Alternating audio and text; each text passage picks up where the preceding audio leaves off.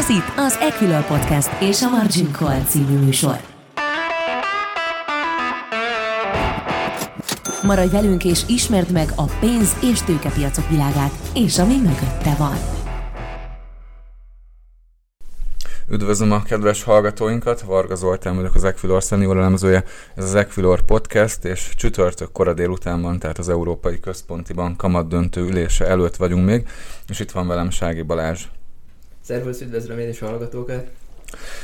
Hát azt hiszem, hogy nem kell magyarázni a témaválasztást, hogy az elmúlt napokban sajnos eléggé felgyorsultak az események a pénzpiacokon, ugye kezdődött múlt héten két amerikai bank bedőlésével, és most már a héten ugye Európában a Credit Suisse-ről hallottunk elég ijesztő dolgokat. Mi zajlik pontosan a háttérben, illetve mire számítasz a következő időszakban? Amerikában egy regionális, specializált bank került nehéz helyzetbe, ez volt a mostani pánik hangulat katalizátora. Igazából klasszikus bankrun-nak lehetünk a tanúi. A betétesek elkezdték nagy tempóban kivonni a betéteiket a bankból, és emiatt az eszköz oldalon értékesíteniük kellett értékpapírokat, kötvényeket, amiken veszteséget könyveltek el, és igazából ez a nagy veszteség egyre nyilvánvalóbbá vált a piacon, a bank befektetői körében, és hát a bank nehéz helyzete indukálta az általános szektorral, bankszektorral szembeni szkepszist, ami átterjedt a többi szektorra és a többi kontinensre is, Európában, Ázsiában is általános részvénypiaci eladási hullámot indukált ez a helyzet. Biztos sokaknak eszébe jut a 2008-as válság, nem tudom a hallgatóink közül mennyien kereskedtek akkoriban, vagy mennyien figyelték a, a tőzsdei eseményeket. Nyilván nem lehet összehasonlítani a jelenlegi helyzetet szerencsére a 2008-2009-es válsággal, illetve annak a folyamatával de nyilván ö, joggal vagy ö, ok nélkül aggódhatnak a befektetők, hogy akár ez is ö, átterjedhet esetleg több ö, szereplőre, tehát hogy több bank kerülhet még bajba, különösen az Egyesült Államokban. Hasonló méretű bankok, ugye a múlt héten, ö, illetve a hét elején láttunk már több olyan vállalati részvényárfolyamat, ahol 20-30%-os zuhanások voltak. Tehát aggódnak a befektetők, és ez az egész szektorra, ahogy mondtad is, átterjedt, és Európára is. Mit lehet most ilyenkor tenni? Tehát mi várható a következő hetekben? Ugye nagyon sok szabályozó, illetve egy bank is megszólalt. Ugye a többek között a Magyar Nemzeti Bank is, illetve a Svájci Egybank segítséget nyújt a Credit Suisse-nek, tehát próbálnak nyilván tüzet oltani, és a lehető legkisebb sebekkel megúszni ezt a jelenlegi válságot. De, de mit tudunk mondani a befektetőknek mégis ebben a helyzetben? bankok szabályozása sokkal szigorúbb, mint 2007-2008-ban volt. Nem kis mértékben a 2007-2008-as eseményeknek köszönhetően. Nagyon szigorú tőkekövetelmények vannak, stressztesztelési követelmények vannak, egy átfogóan a bázeli szabályrendszert építették be, a nemzeti szabályrendszerekbe, Amerikában is, itt csak a nagy bankokra, igazán nagy bankokra, tehát ez egy különlegessége a Silicon Valley Bank helyzetének, hogy rájuk nem vonatkoztak annyira szigorú szabályok, mint az igazán nagy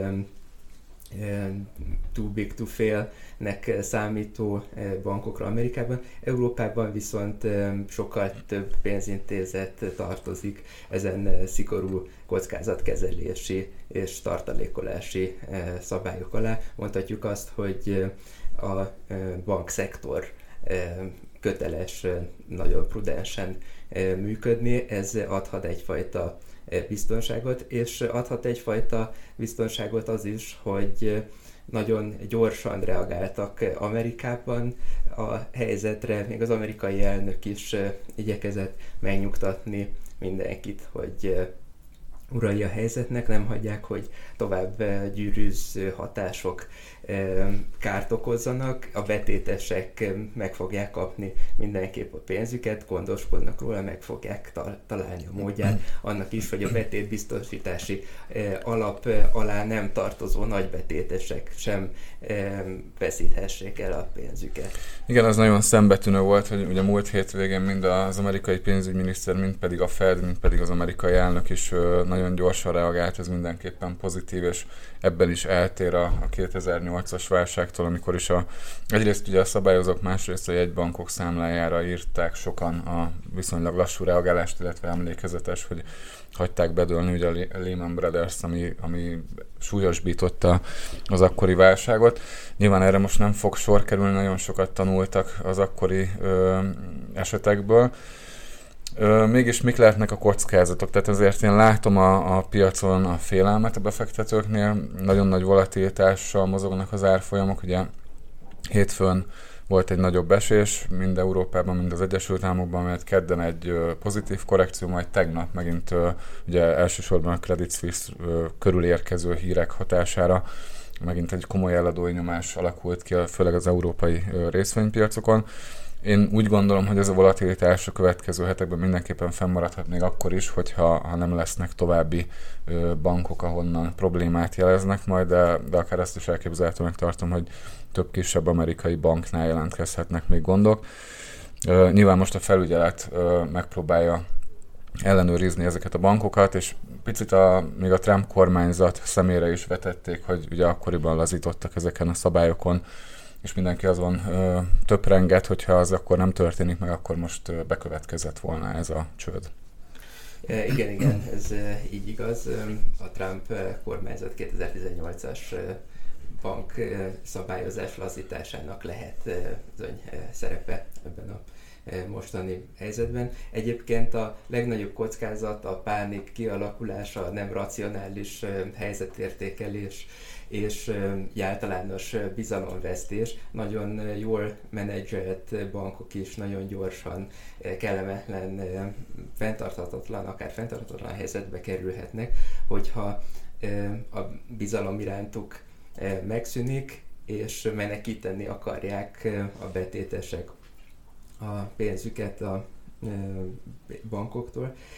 Szóval ez egy lavinát akár, akár elindíthat, emiatt úgy gondolom, hogy minden piaci szereplőnek felelőssége is az, hogy a racionális értékelés felé, helyzetértékelés és pénzügyi értékelés felé terelje a, a diskurzust, és próbáljuk megérteni, hogy tényleg hol vannak valódi kockázatok, hol lehetnek esetleg problémás folyamatok, rosszul menedzselt bankok, hibák, és azokat minél előbb, minél transzparensebb módon föl tudjuk tárni. Ebben igen nagy felelőssége van a szabályozóknak, nagy felelőssége van van a bankvezetőknek, és, és hát a szakmánknak is.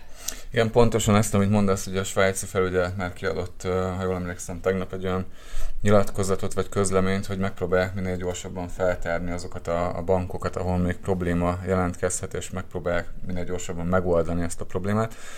Ugye említettük az amerikai bankcsődöt, ott elsősorban az okozta a problémát, hogy ugye amerikai kötvény hozamemelkedés miatt elértéktelenedett, vagy jelentősen csökkent a kötvényportfóliók értéke, amit nem feltétlenül, sőt biztosan nem realizáltak volna, hogyha nem indul ez a betét kivonási hullám.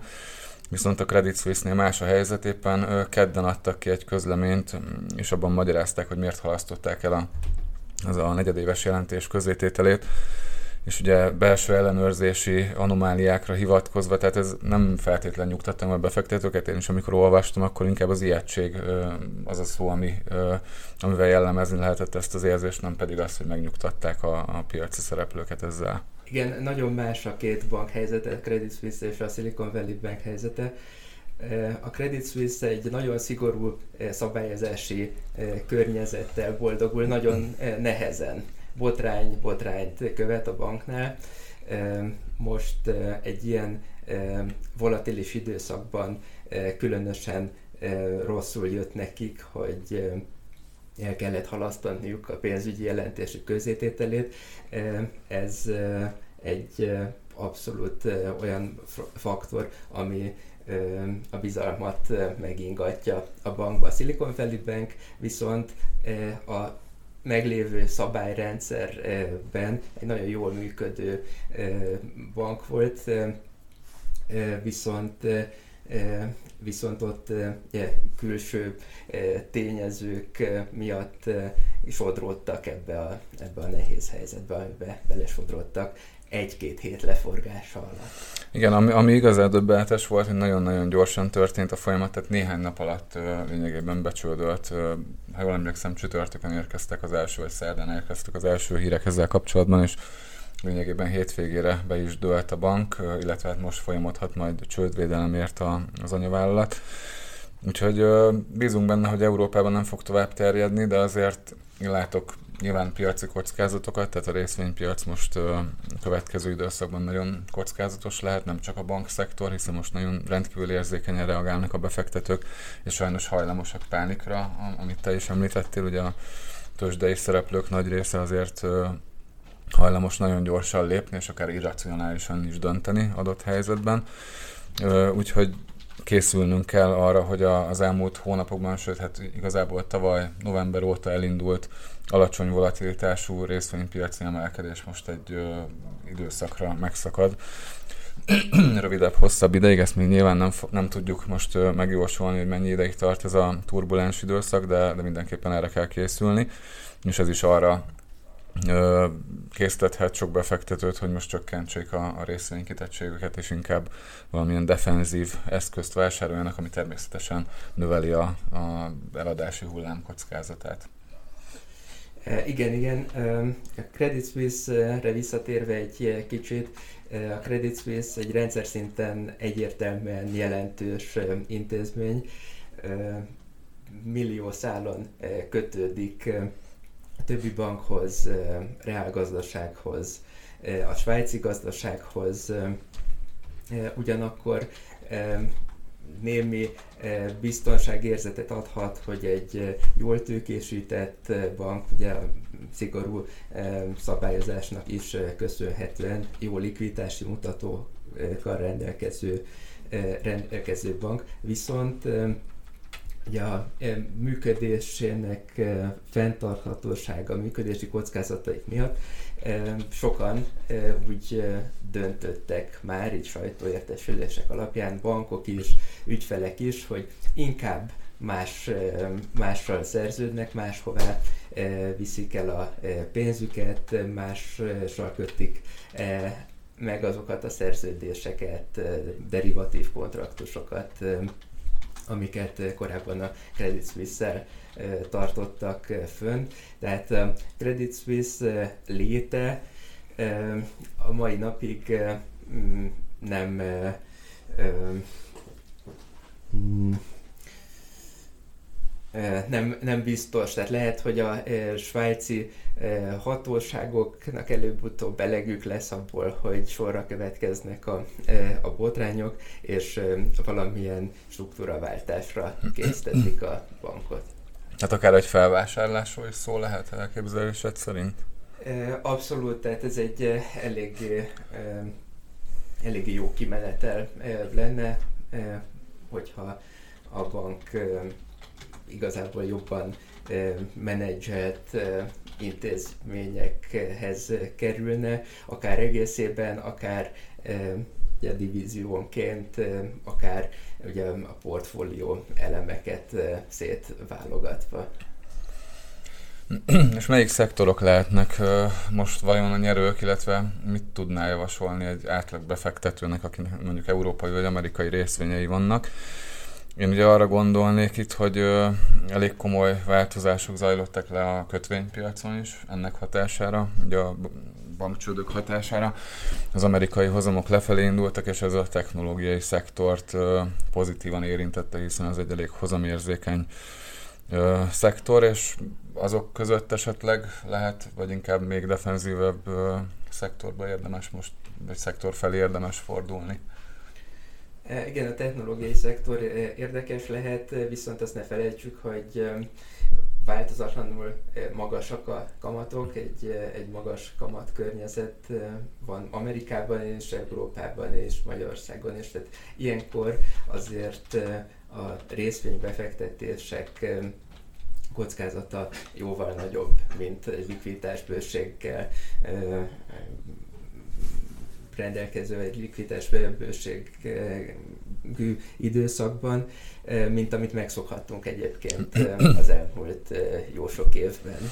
Igen, az a bajunk egyébként, hogy hozzászoktunk a, a magas likviditáshoz és a, az alacsony kamatokhoz az elmúlt, hát igazából 2013 óta, és Igen. 2000, ugye, hát most folyamatosan jönnek egymás után a válságok sajnos, ugye 2020-ban a Covid, 22-ben az orosz-ukrán háború energiaválsággal megsvékelve, és akkor most ebb, reméljük ebből nem lesz nagyobb válság, de, de azért ez is egy potenciális válsággorc lehet, úgyhogy uh, tényleg most nagyon, talán 2021-es év volt viszonylag nyugodt, és hogy uh, most rátértünk, picit rákanyarodtunk a, a kamatszintekre, az adás második felében a Fedről fogunk beszélni, hogy most milyen lépések várhatók az amerikai egybanktól, változott -e esetleg a, a rövid, közép, hosszú távú kamat, várható kamatpályájuk a, a Fed esetében, és picit rátérhetünk az LKB-ra is, bár ott ugye még a mai döntés eredményét nem tudjuk, úgyhogy arról inkább tényleg csak nagyon röviden beszélnénk, illetve majd a forintról is természetesen fogunk beszélni a második részben.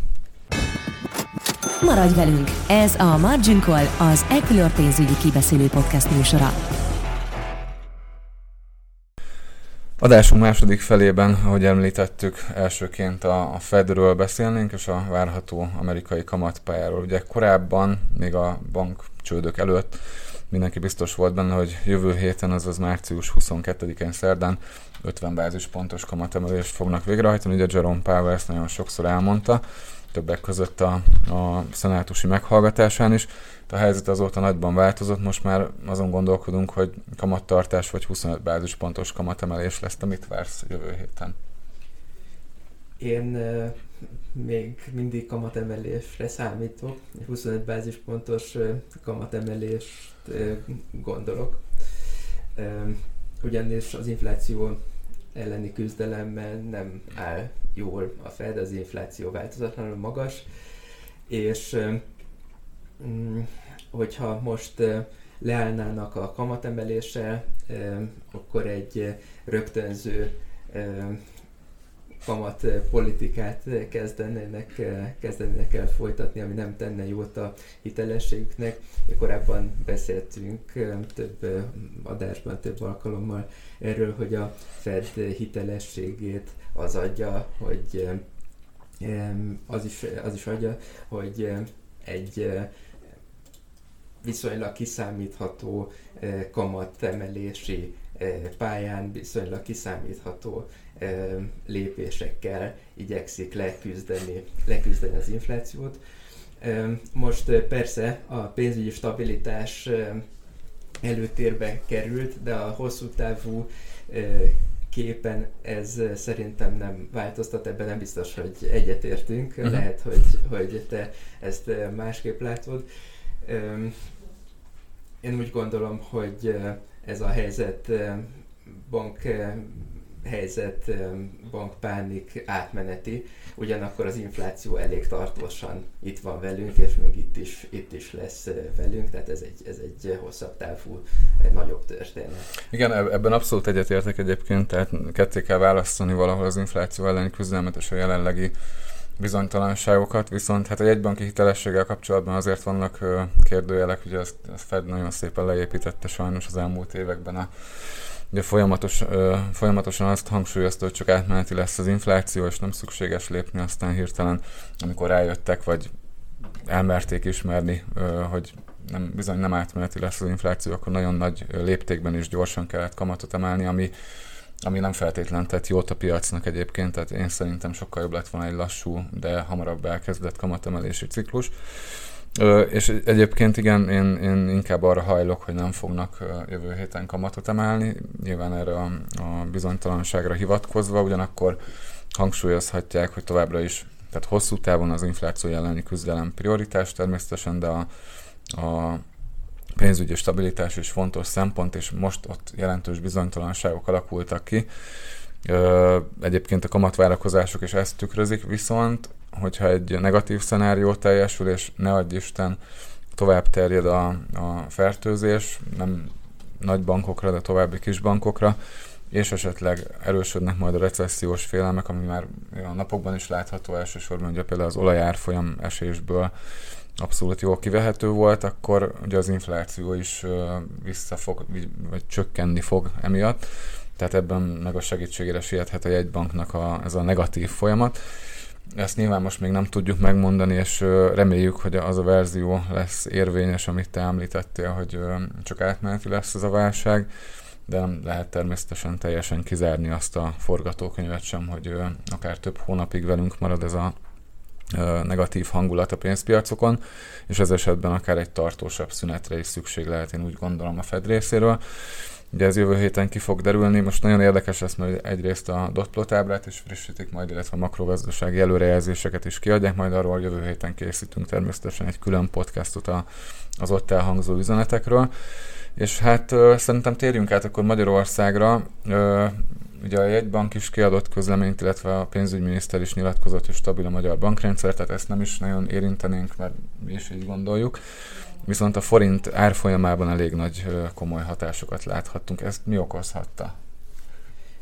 Igen, kicsit visszatérve, azért Amerikára megnőtt a hard landing, hard landing esélye, tehát gazdasági visszaesés uh, kockázata megnőtt. Még visszább emiatt is óvatosságra intenék a részvény vásárlással kapcsolatban és a kockázatos eszközök vásárlással kapcsolatban. És itt kapcsolatok a kérdésedhez, a forinthoz és a, és a magyar eszközökhöz. Igen, a forintot és a magyar eszközöket azért a kockázatosabb eszközök közé szokták sorolni, a piac így tekint rájuk.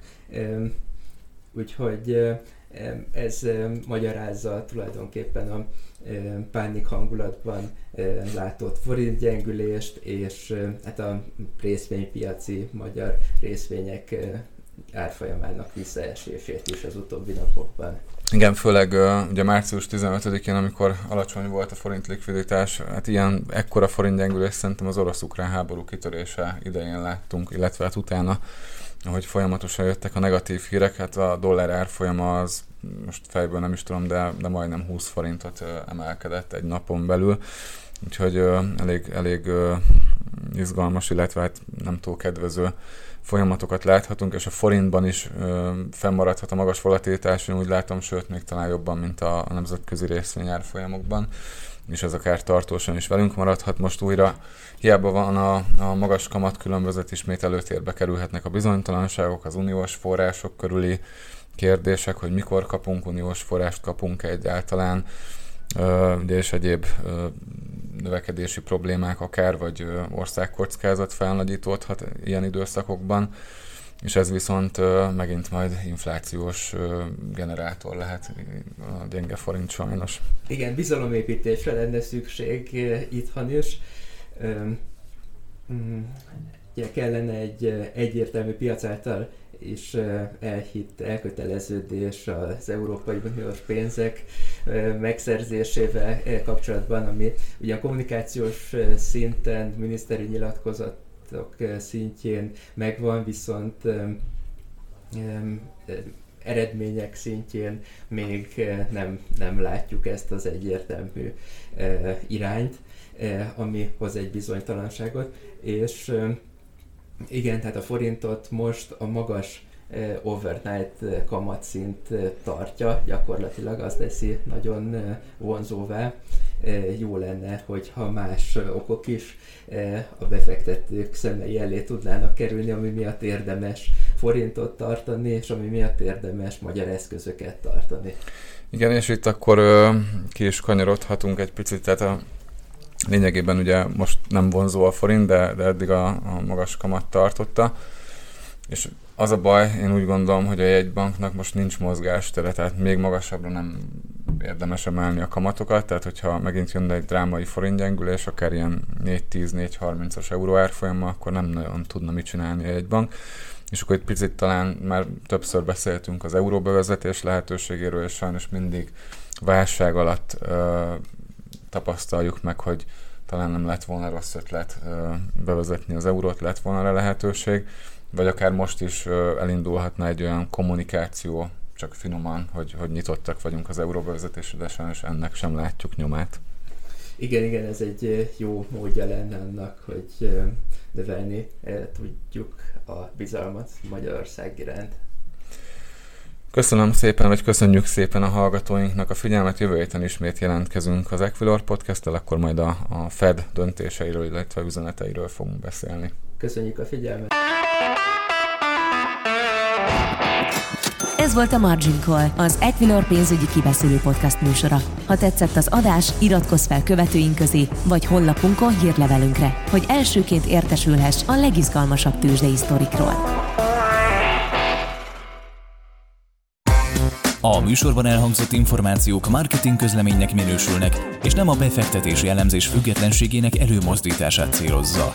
Az elhangzottak tájékoztató jelleggel bírnak, a megszólalók adott időpontban fennálló véleményét tükrözik, nem minősül bármely pénzügyi eszköz jegyzésére, vásárlására vagy eladására történő felhívásnak, befektetési tanácsadásának, továbbá befektetési döntések alapjául sem szolgálhat.